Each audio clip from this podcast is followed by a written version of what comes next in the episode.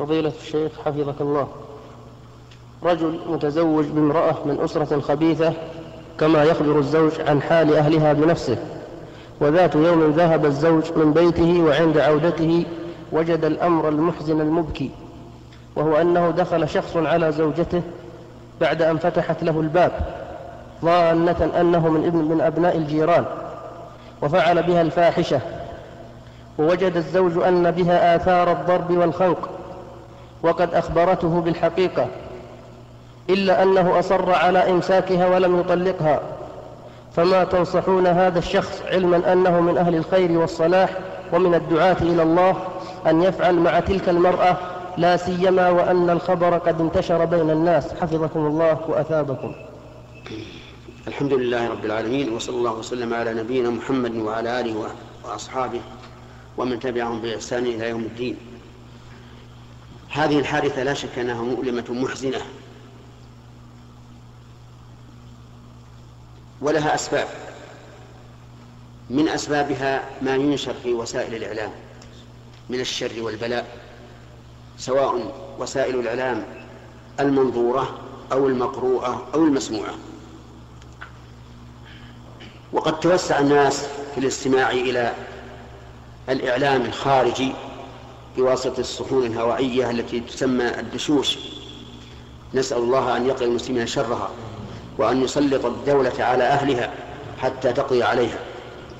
وقد حصل من الدولة والحمد لله إنذار بأنها سوف تقضي على هذه الصحون نسأل الله أن يعينها على ذلك وأن يعجل بهذا الأمر قبل أن ينتشر الشر والفساد. ولا شك أن أعداء المسلمين لا يألون جهدا في صد المسلمين عن دينهم. إن أمكنهم بالسلاح الذي يقتل الأنفس فعلوا كما يوجد الآن في البوسنة والهرسك وغيرها من بلاد المسلمين. وإن لم يفعل وإن لم يحصل ذلك لهم فبالأخلاق المدمرة. والإنسان إذا دمرت أخلاقه صار كالبهيمة سواء. ليس له هم إلا التمتع إلا التمتع في الدنيا والعياذ بالله. يتم... وقد قال الله عن الكفار والذين كفروا يتمتعون ويأكلون كما تأكل الأنعام والنار مثوى لهم عقب السيئة فهذه الوسائل الإعلامية إذا رآها الشاب أو الشابة تشربت في قلوبهم وسهل وسهل عليهم أن يمارسوها. كذلك أيضا من وسائل الإعلام المدمرة أنهم يغزون الناس بالأفكار الرديئة. الخبيثة المنحرفة فيضل بها كثير من الناس. لهذا نحن نشير على إخواننا المسلمين عموما أن يخرجوا من بيوتهم مثل هذه الفتنة وأن يلاحظوا أهلهم من بنين وبنات.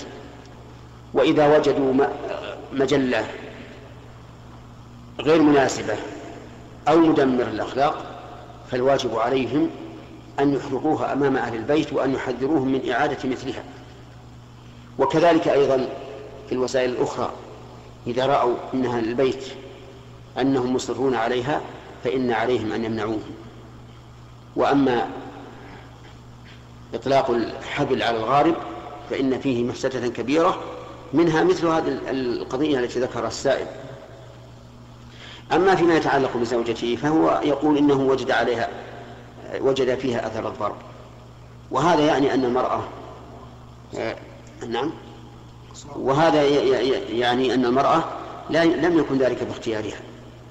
وأن هذا الرجل والله أعلم دق عليها الباب وأراها أنه أحد من محارمها أو أقاربها حتى دخل وحصل منه ما حصل.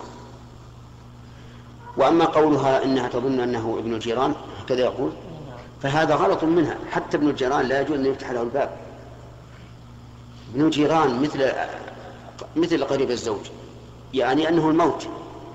ولهذا لما حذر النبي عليه الصلاة والسلام عن الدخول على النساء قال إياكم الدخول على النساء. قالوا يا رسول الله أرأيت الحم يعني أقارب الزوج مثل أخيه وعمه وخاله. قال الحم الموت. يعني فر منه كما تفر من من الموت وهو البلاء. لأن الحم إذا دخل وهو دخل على بيت قريبه لا يستنكره الناس. وهو أيضا يرى أن الأمر هين أن يدخل على بيت قريبه. فيحصل الشر.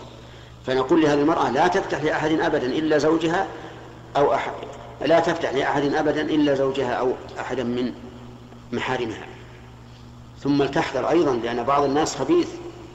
قد يقلد الصوت. فلتحذر من هذا. فالذي أرى أن هذه المرأة إذا ادعت أنها مكرهة كما هو ظاهر حالها مما يتبين من السؤال أنها معذورة ليس عليها إثم وأن زوجها إذا أبقاها عنده فليس بديوث بل هو عاذر لها ولا ولا ينبغي أن يفارقها من أجل هذا هذا الفعل الذي حصل عليها وهي والله أعلم مكرهة.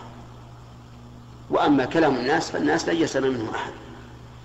الناس سبوا الرسول عليه الصلاة والسلام وسبوا الله عز وجل. نعم.